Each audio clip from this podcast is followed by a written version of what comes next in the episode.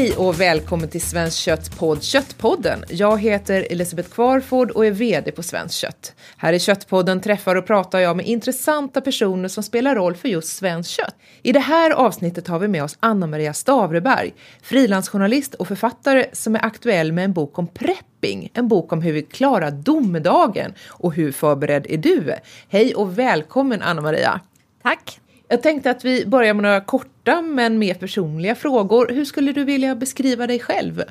Eh, nyfiken, eh, dramatisk, tycker om att ha roligt. Det är därför jag jobbar med det jag gör. Också för att jag kan få ta reda på saker och ting som jag är nyfiken på. Och göra spännande saker. Mm.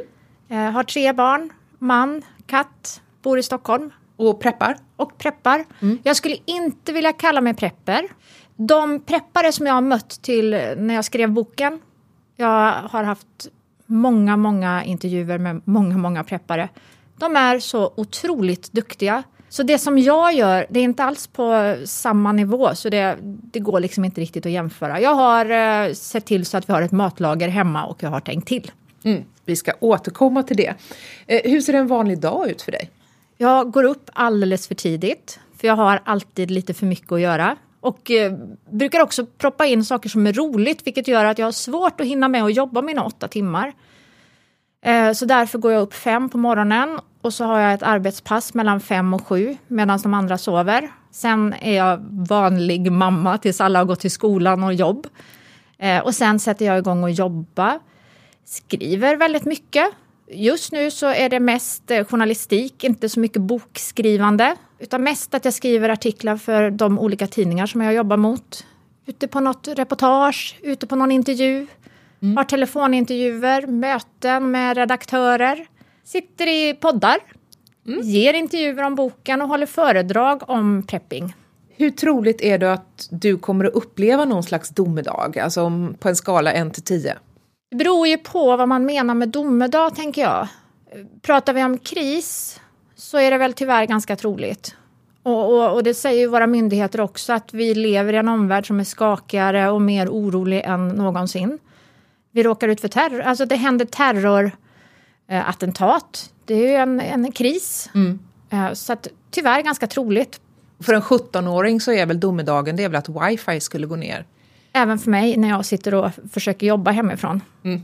På en skala bara med att säga riktig, riktig domedagskris säger jag tre.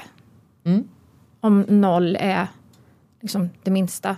Men, men kris som eh, långvariga strömavbrott, eh, terrorattentat, smittor, då säger jag sju. Okej. Okay. Vad lagar du till middag för att fira att världen inte har gått under just idag? Då tar jag nog fram grillen tror jag. Och gör rotsaker. Vi äter mycket vegetariskt hemma, men också mycket bra kött. Så då grillar vi en god köttbit och så gör min man sin pepparsås som han gör alldeles för sällan. För det tar liksom 12 timmar att göra. Mm. Och så rotsaker i ugnen. Och så får man säga vin, rödvin till. Man får säga vin. Mm. Har du preppat och har ett lager med vin också? Eh, ja, det har vi.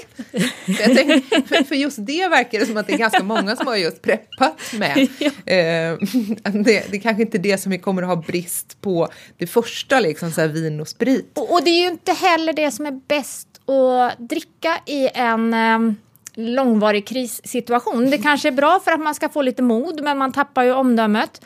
Men också så är det vätskedrivande och vi vet att vätska som vatten kommer att bli en bristvara om en, en långvarig kris inträffar. Mm. Och då ska vi inte dricka vätskedrivande och uttorkande saker. Vi ska kanske ta och backa bandet lite. Du har skrivit en bok om prepping, men vi ska kanske förklara för de som lyssnar som undrar vad sjutton är prepping? Det har jag aldrig hört talas om. Pre prepping kommer ju från ordet be prepared, alltså att vara förberedd, det engelska ordet för det. Det handlar om att vara förberedd på oväntade situationer. Kriser, men också lightkriser som en influensa, som ju är en lightkris, men kan vara nog så jobbigt.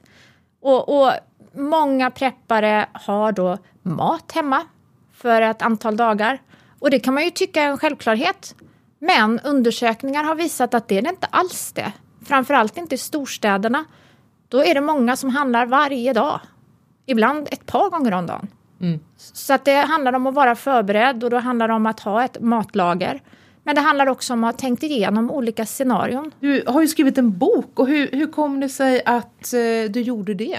Det är då en kombination av min nyfikenhet, min dramatiska ådra och att jag tycker så mycket om att uppleva nya saker. Jag har lite av det som eh, kallas katastroftänk och det har jag haft sedan jag var liten. Att jag alltid har tänkt så här, Åh, vad skulle man göra om det här hände? Eller om det här hände? Så otäcka scenarion. Sen jag var liten alltså så har jag det med mig. Så det har gjort att jag alltid har funderat i de där termerna. Eh, I eh, lite äldre ålder så har jag alltid älskat katastroffilmer av någon konstig anledning. Tittat på det och det väcker också en hel del fantasier. Eh, så därav att jag började fundera i de här banorna. Vi satt en middag en sen kväll med några kompisar.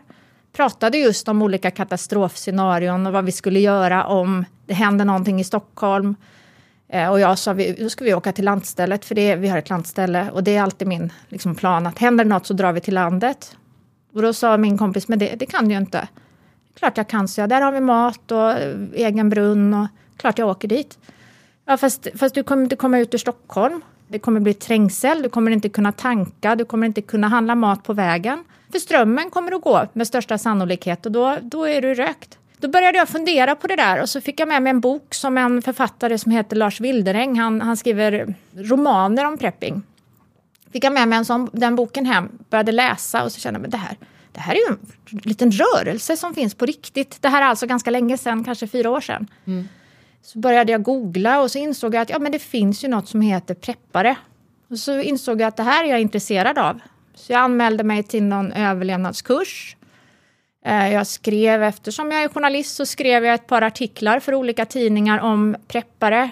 Jag hittade ett, fick komma in i ett nätverk så jag fick jättebra kontakt med eh, framförallt en preppare som släppte in mig.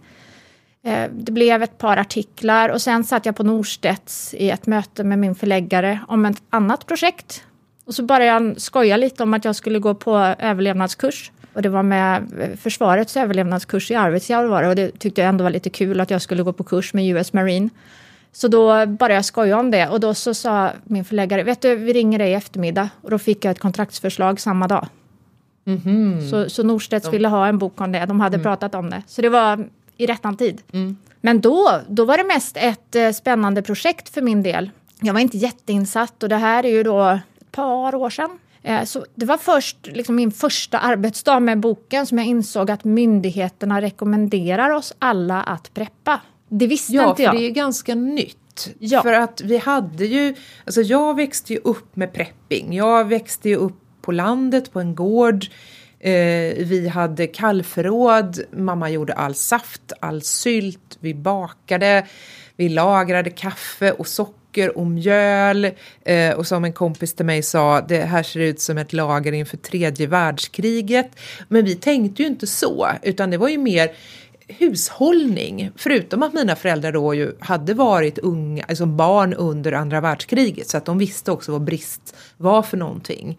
Men då fanns det ju också beredskapslager och det finns ju inte idag. Nej, de såldes ju ut i mitten av 90-talet mm. och det finns fortfarande människor som tror att vi har de här beredskapslagren. Det finns ju fortfarande människor som tror att vi är självförsörjande i Sverige. Men där finns det undersökningar som visar att om vi skulle isoleras som land så blir det svält i vårt land inom ganska kort tid. Jag tror vi pratar om två, tre veckor innan vi börjar känna av det på allvar. Mm. Och, och det, det kunde vi ju se här till exempel i Stockholm förra året när vi hade snöoväder i november. Jag vet inte om du mm. minns det? Jajamensan. Och, och då kom det ju inga mattransporter från, från våra stora matkedjor som jag inte ska nämna vid namn, men det, kom, det gick liksom inte för de här lastbilarna att ta sig fram till mataffärerna. Nej. Det blev ju utplockat. Ganska mm. snabbt så blev det utplockat på våra små butiker här i stan. Och vi är dåliga på att ha käk hemma.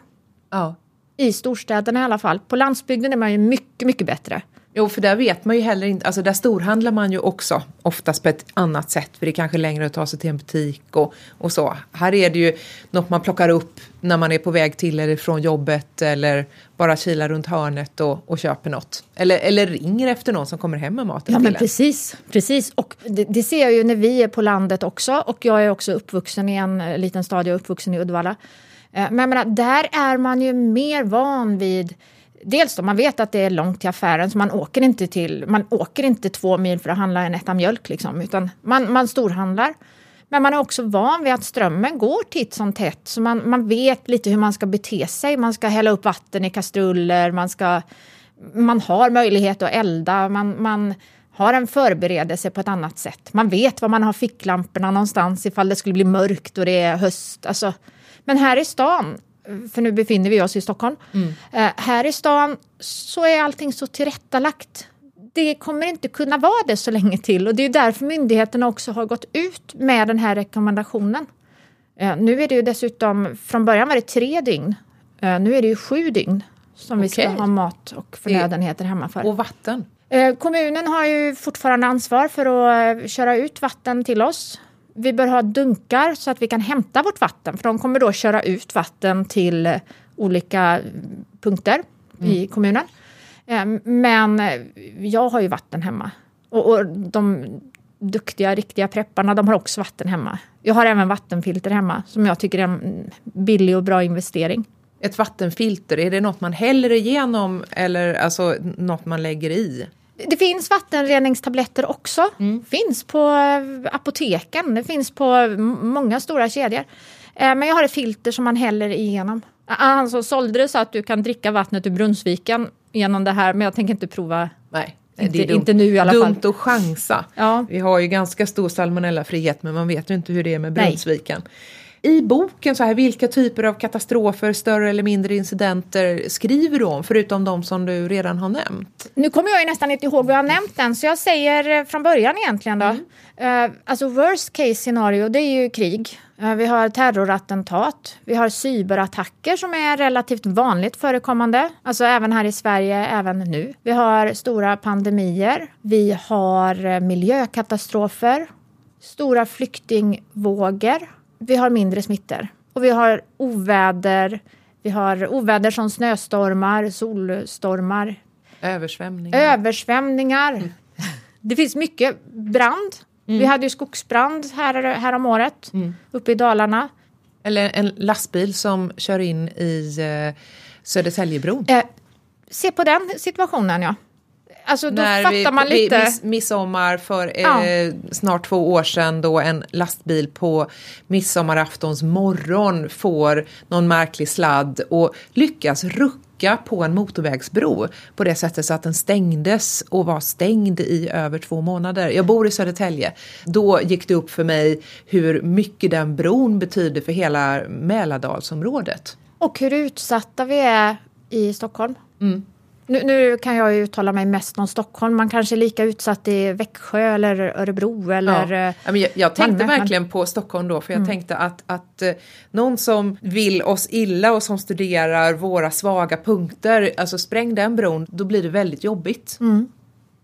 Kan du reda ut liksom så här vad ansvarsprincipen handlar om i en krissituation? Du sa att, att kommunerna har ansvar för, för vattentillförsel. Finns det något annat som på något sätt det allmänna har ansvar för? Vad har vi själva som privatpersoner ansvar för? Ansvarsprincipen innebär ju att kommun har ansvar. De har ju en, en rad ansvarsområden.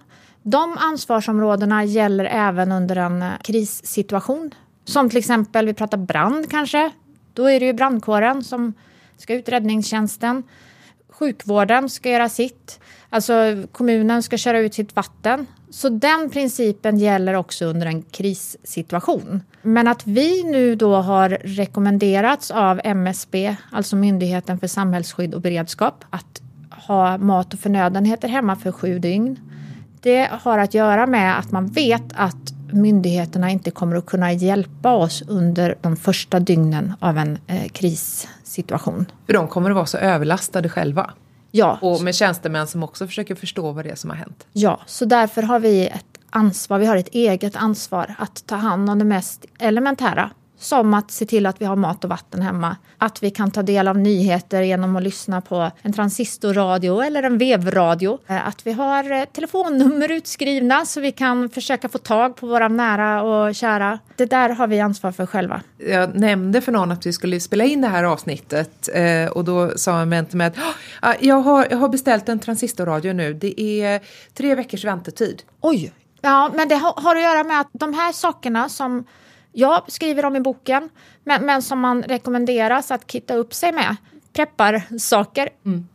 Folk har ju börjat se om sitt hus nu. Så att det vattendunkar kan också vara slut. De här populäraste vattendunkarna som preppare använder, alltså femlitersdunkarna, de är slut på sina ställen. Campingköken är Ja. också slut på sina ställen. För det är ett sånt som är bra att ha för Ja. att kunna laga mat om någonting Ja. ska hända. Mm. Jag har faktiskt tänkt att gå och köpa ett. Det Och- tar ju så liten plats så det tycker Ja. jag du ska göra. Men sen antar jag att en utegrill inte är så himla dumt att ha heller. Nej. Och så länge du har ha en ute. Ja men precis, du ska ha något att elda. Och sen så är det ju ganska frestande om det är kallt att ta in den här grillen. Men det får man ju inte, alltså det är ju jättefarligt. Så Mm. Ja. ha den ute. Man kan dö, eller hur? Ja. Alltså, Och det, det ska jag säga. kolmonoxidförgiftning. Ja, och det har jag en närstående släkting som tyckte det var jätte... Det är min mamma, jag tror inte hon lyssnar på det här. Men hon tyckte det var ett jättebra sätt att värma upp sin lilla stuga med. Så att hon tog ju in grillen. Och, jättevarmt och skönt, men, men det är ju farligt. Ja. Det gick bra, vi, vi tog ut den.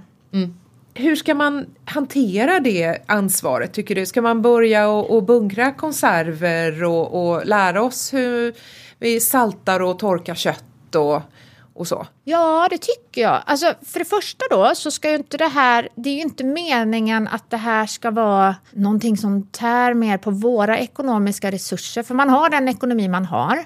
Vi ska ju tänka hållbart. Så det är viktigt att man inte liksom, köper hem grejer och slänger sen efter sista förbrukningsdag. Nej, utan man tänker på att ha viss rotation Ja, på lagret. precis, precis. Men ja, jag tycker man ska köpa hem konserver. Man kanske inte måste köpa allting på en gång, men att man varenda gång man är och handlar tar några konserver extra. Eller vad det nu är man äter i vanliga fall. Saker som tål eh, rumstemperatur, saker som har lång eh, hållbarhet, saker som inte kräver allt för lång tillagning. För även om du har ett eh, Trangia-kök så vill du inte liksom laga någonting i tre timmar för då tar bränslet slut. Eh, det ska gå fort att tillaga alltså. Det ska vara någonting du, du och familjen äter i vanliga fall. Eh, näringstätt ska det vara för att det är ju en platsfråga också i alla fall om du inte har en stor gård. Och det ska inte heller kräva för mycket vatten eftersom vatten är en så, bristvara. att, så att, för jag satt just och tänkte så här, pulversoppa, det är en bra grej. Ja, men, jo, men det är det ju. Om du tycker om pulversoppa i vanliga fall så, Det- så är det väl en bra grej. Jag har väl inte druckit så mycket eh, varma koppen sen jag var ung och eh, nyss hade flyttat hemifrån. Alltså äter man det längre? Jag vet inte. Jo, men jag tror nog att det finns. Du får gå och kika nästa gång som du är och så introducera det till familjen och fråga vad tycker ni om det här? och så säger jag det här har jag lagat. Men, men också det som du nämnde där, det ska inte vara för konstigt. Där väljer man ju själv. Man kan ju köpa färdiga prepping-kit från eh, USA till exempel. Där är det ju saker som håller till eh, 2092. Och då tänker men vill Så- man äta Sånt något man kan sånt? ta med sig ut i rymden? Ja, typ. och då tänker jag så här, vill du äta? Jag såg det var så här chokladmousse med körsbär på. Ja, i en krissituation naturligtvis. man allt. Då Mm. äter man allt, men, men alltså, ska jag välja, och det kan jag nu, då köper jag ju hellre något annat. Inte så konstigt. Alltså I Sverige har vi ju en tradition egentligen av att just ta hand om det som, som växer i natur och på gård och så. Vi har ju eh, syltat och saftat och konserverat och så eftersom vi har de årstiderna som, som vi har. Men det har vi ju tappat lite. Och det är ju Ja. väldigt roligt. Du pr- pratade lite om om man ska lära sig att salta, torka sitt kött. Alltså, jag tror att intresset har blivit större. Jag skriver ju ganska mycket om mat. Jag är själv väldigt intresserad av att konservera och sylta och safta. Har alltid varit. Eh, Jag tror att det är ett intresse som blir större. Jag hoppas det. Just när det gäller salt så läste jag på någon sajt sådär att salt det var någonting som man skulle ha hemma. Så att där köpte jag 10 kilo och ställde ner i källaren. Men då har ju du börjat nu. Jag har börjat, jajamensan, jag har börjat och där står det även 40 liter vatten Ja, i bra. dunkar. Så, men det beror ju också på att jag köpte hus med en källare. Så Ja. att behöver man inte tänka så mycket på det. Det tar inte plats. För det det är det man vill kanske inte heller att det ska påverka en för mycket i ens vardag. Och, och Nej, det ska det ju inte. Det ska ju vara någonting som man har ungefär som att du har en brandvarnare. Eller säkerhetsbälte på dig när du är ute och kör bil. Du, du tänker ju inte när du tar på dig säkerhetsbältet att snart kommer jag krocka. Men du har på dig det ändå. Och det är så jag tycker att man ska tänka med det här. Eh, vattnet håller ju ett halvår, det vet du va? Och sen kan du ha det att vattna med. precis. Det tänker Man ska jag. inte hälla ut det heller. Nej, det, alltså så tänker jag i alla fall att jag inte vi vill hälla hade ut det. vattenbrist i Södertälje förra året. Ja, att, eh, jag tänker ju, jag har massa odlingar hemma nu. Eh, Jag tänker vattna med det, för nu är det snart dags för mig att byta ut mitt vatten. Men har du odlingarna, har du startat med dina odlingar efter, eller har odlingarna förändrats efter att du började studera prepping? Ja, jag har eh, sedan vi fick lantstället har jag varit intresserad av att odla. Och vi har haft lantstället i 14 år. Så att jag har odlat olika saker, inte alls med bra resultat, men, men jag odlar. Nu sedan jag började skriva och föreläsa och har haft förmånen att intervjua alla duktiga preppare eh, så har jag ju försökt ändra min odlingsinriktning. Så jag odlar mer plats... Eh, Effektiva grönsaker, saker som man kan lagra. Kanske lite näringstäta? Ja, Och vad är då? Är det rotfrukter eller vad är det som är bäst? Rotfrukter är ju bra, pumpa är ju bra. Alltså, nu, ska jag lära mig att konservera tomater tänkte jag. Ja. Det är så här sommarens projekt. Nu när vi håller på och pratar om massa så här, saker som man behöver, här, finns det någon butik för preppers? Jag kanske kommer att finnas snart ändå. Och Kanske. någonting du är sugen på att öppna? Ja, alltså jag, den här frågan dyker upp eh, väldigt ofta. Eh, men jag skulle vilja säga att de sakerna som man ska preppa, det finns ju på varenda affär egentligen. Konserver, eh, ficklampor, batterier. Transistorradio är ju då slut. Men, men alltså det här finns ju. Men problemet är att man ska ta sig tid Ja. och gå runt och plocka ihop det. Och man kanske känner sig trygg också att det är någon som har tänkt till före Ja, och säger att det här är det lilla preppingkittet. Här har du modell medium och här har du large och Ja. x-large och så. Precis, så att man bara kan klicka i det där på nätet och så kommer det hem sen. Det är väl inte jättekul att handla, ungefär som att det inte är jättekul att handla en brandvarnare till varje våning. Det, det är mer så här, åh, man vet att man borde göra det. Men sen att kom, få ändan ur vagnen att verkligen göra det. Jag tror att många känner ett litet här, dåligt samvete för att man inte har kommit till skott än. Kan man då bara beställa det enkelt på ett och samma ställe, få hem det? Tänk vad skönt. Det här är kanske inte någonting som vi ska prata så högt om, men hur mycket kontanter har du hemma? Ja, väldigt lite faktiskt. Jag hittade 200 i plånboken. För, för inte MSB rekommenderar väl ändå att man ska ha en hel del kontanter? Ja, det gör de. Eh, För bankomaterna kan ju sluta att fungera. ja, precis. Problemet är ju att vad jag, enligt vad jag har förstått så är dagens kassasystem, du får ändå inte gå in och handla om strömmen har gått. Därför att det måste ju komma ut ett kvitto. Om man nu ska tänka på lagen om det händer någonting sånt. Det, det kanske man inte gör i det läget. Jag har inte jättemycket kontanter hemma då. Jag har varit hemma hos eh, mina prepparvänner. Eh, De har ju eh, en hel del kontanter och en del har också valt att eh, spara i speciell, speciella silvermynt. Jaha. Mm. Jag har skrivit om det i boken, det är lite spännande. Det är en speciell sorts valuta. Det är liksom så här bitcoin fast Precis, på. IRL. ja, ja precis. Sådana är tydligen populärt. Förr fanns det ju statliga matförsörjningslager inklusive fruset kött. Borde staten börja lagra mat igen? Det, det tycker jag faktiskt. Men absolut, det är inte så svårt för oss vanliga invånare att också tänka till. Men det vore väl väldigt bra om staten kunde göra det också. Alltså, tänka till gör de, men det finns inte resurser. Men det vore fantastiskt om man kunde se till att få loss de resurserna så att det finns någon form av lager. Absolut. Jag läste någon artikel som måltidsforskaren Rickard Tellström hade skrivit om just när man regelbundet då sålde ut de här beredskapslagren med det frusna köttet. Så, så stod det liksom artiklar i kvällspressen att det här lagar du av det kött du kommer över för att folk köade då för att köpa de här kanske ganska märkligt styckade bitarna för att de var mer liksom så här huggna liksom och så lagt det i, i, i frysen så kom man hem och så visste man inte riktigt vad det var man hade fått med sig.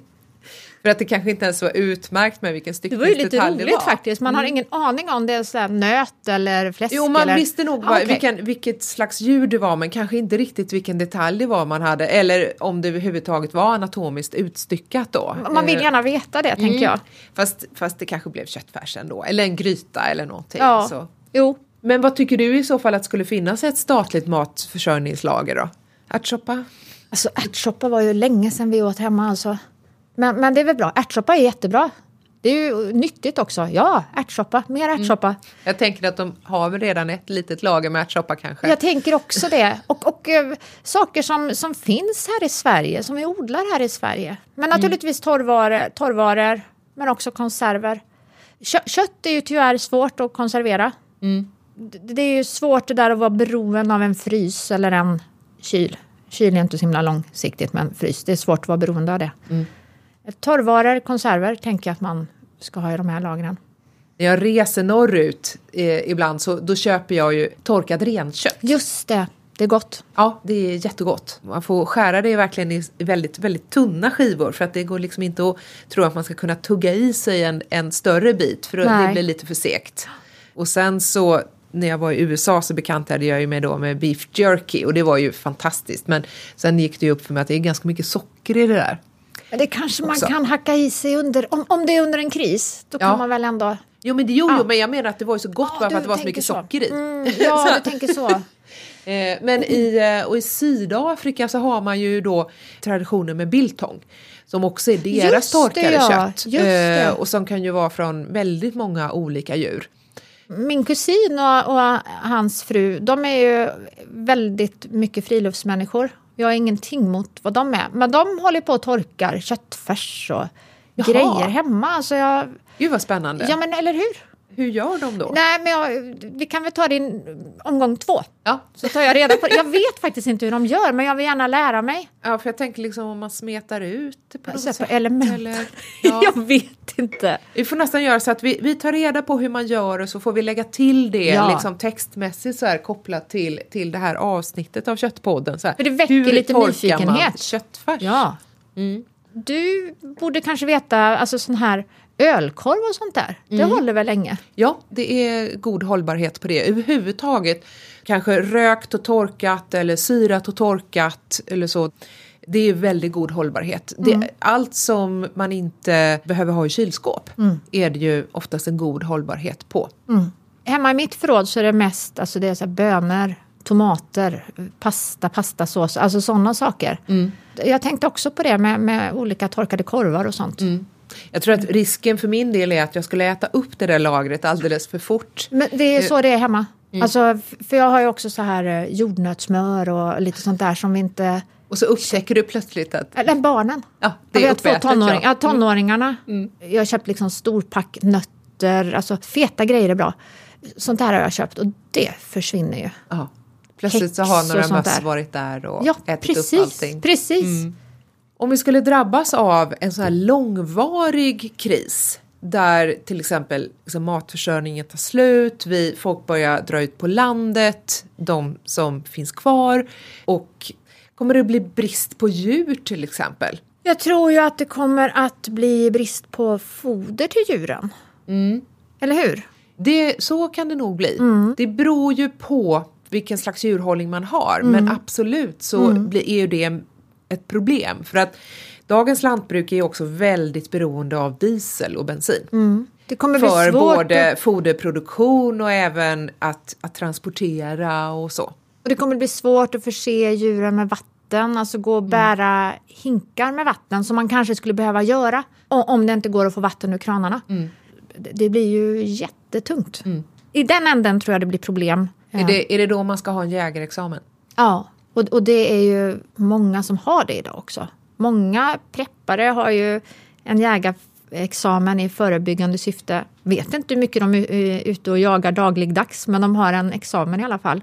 För er som är prepperintresserade och just tänker vad gör man med djuret efter att man har jagat så kan jag ju berätta att på Youtube, om ni går in på Svenskt Kötts Youtube-kanal så hittar ni där eh, styckningsfilmer som är instruktionsfilmer på hur man styckar eh, gris, nöt och lamm från eh, hela djur. ner till eh, styckningsdetaljerna. Det är ju sånt som kan vara bra att titta på nu då innan strömmen går. Och det hade ju de då som hade lagrat i, i våra lager här, de här stora statliga mm. lagren, de hade inte sett de filmerna. Jag vet inte hur, hur, de fanns ju inte just då för det här Nej. var ju på 50-60-talet så att vi har väl gjort de filmerna efter ja, det. Vad bra. Så, mm.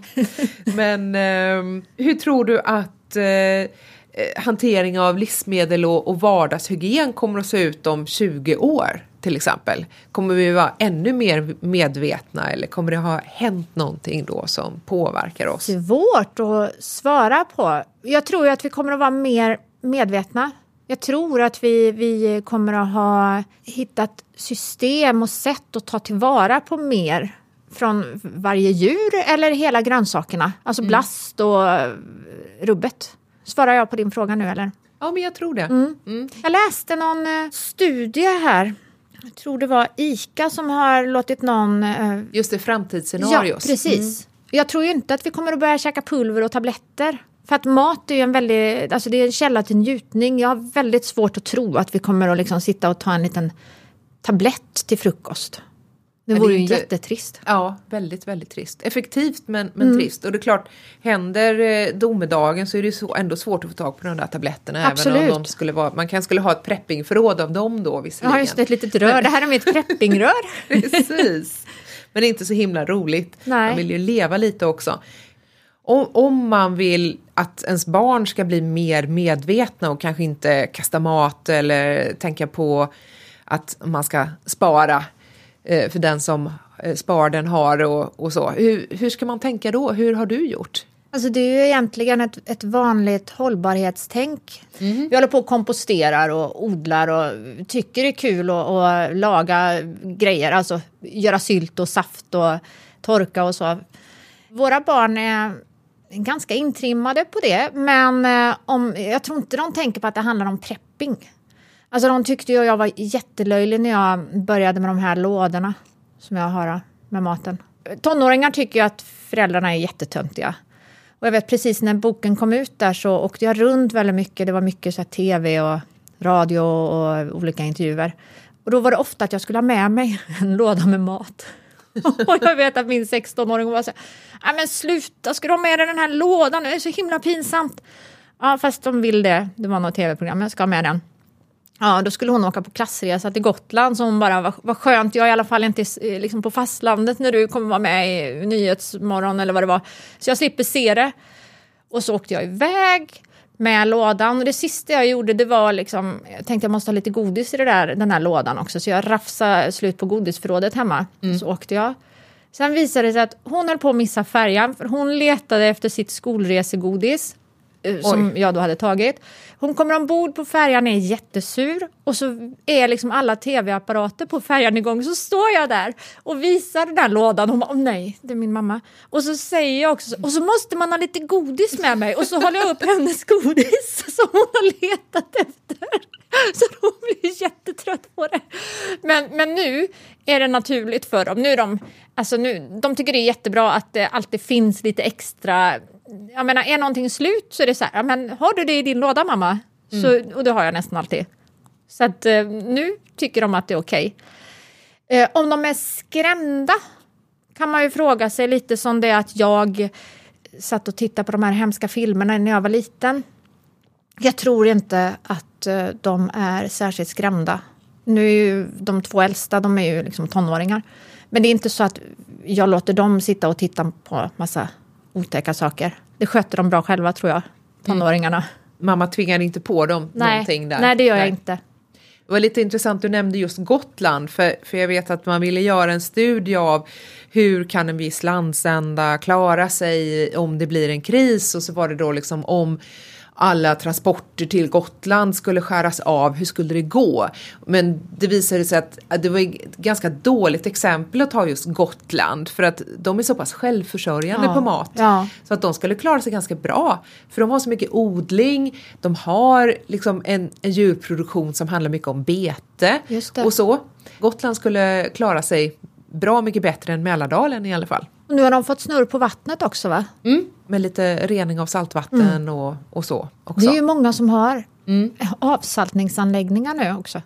Nu har vi inte så mycket saltvatten här, men jag, jag är lite imponerad. Jag skulle gärna vilja ha en avsaltningsanläggning. Mm. Om du skulle hem till Uddevalla och, då, och bli fast där? Ja, mm. då, då åker den fram. Mm. Precis. Alltså när man pratar om så här seriösa preppers så, så är det ju personer som kanske har något gömställe någonstans och, och tittar man på de amerikanska förebilderna så eh, är det ju bunkrar som det handlar om där man ska kunna ta skydd när, när fienden kommer eller det blir atombomb eh, eller så. Eh, hur nära är du själv att börja bygga en bunker? Eh, absolut inte alls nära och det var jättebra att du frågade det därför att jag skulle vilja säga att i Sverige så är inte prepping på det sättet. En av de viktigaste sakerna om man ska prata om att vara förberedd, om man ska prata om att, att preppa, det handlar om att hjälpas åt och inte liksom stänga in sig utan att hjälpas åt. Håll koll på grannarna, kolla vilka är det som är bra på det, vilka är det som är bra på något annat. Vad kan ni göra för varandra? Det är egentligen det främsta rådet. Och när jag gjorde de här intervjuerna, intervjuerna med mina preppare, säger jag. Visst, de är anonyma, de är hemliga, de har gömt sina saker. Men jag har inte träffat en enda människa som liksom sitter i en bunker och vill skjuta ner varenda människa som närmar sig. Det kunde de sagt till mig off the record, men jag har inte hört någonting sånt. Nej, utan man ser bara om sitt hus väldigt noga. Man ser om sitt hus och det är också på sätt och vis skulle jag vilja säga en solidarisk handling. För har du gjort det, då finns det resurser till de som inte har hunnit, inte har uppfattat budskapet. Då räcker maten i kvartersbutiken till de som inte har preppat. Mm. Behöver myndigheterna rycka ut? Har vi som kan förbereda oss, har vi gjort det? Då kommer ju myndigheternas resurser, eller samhällets resurser, att räcka till de som inte har mäktat med detta. Så jag skulle vilja säga att det är en solidarisk handling. Och har du saker hemma så kan du hjälpa din granne också. Det tycker jag är en väldigt fin avslutning på det här poddavsnittet. Idag har vi fått lära oss att vatten är bra att ha, eh, att eh, det är nog bra att ha bra skor också om det är så att man bor i en stad och behöver vandra ut ur den om det händer något. Eh, och att man möjligtvis kan torka köttfärs men det måste vi ta reda på mer om. Men att också prepping är en solidaritetshandling. Synpunkter och tips tar vi gärna emot på sociala medier. Vi finns på Facebook, Twitter, Instagram där vi heter Svenskt kött. Tycker du om Köttpodden så sätt gärna ett betyg eller skriv en recension på iTunes eller där du hittar oss. Vi hörs snart igen.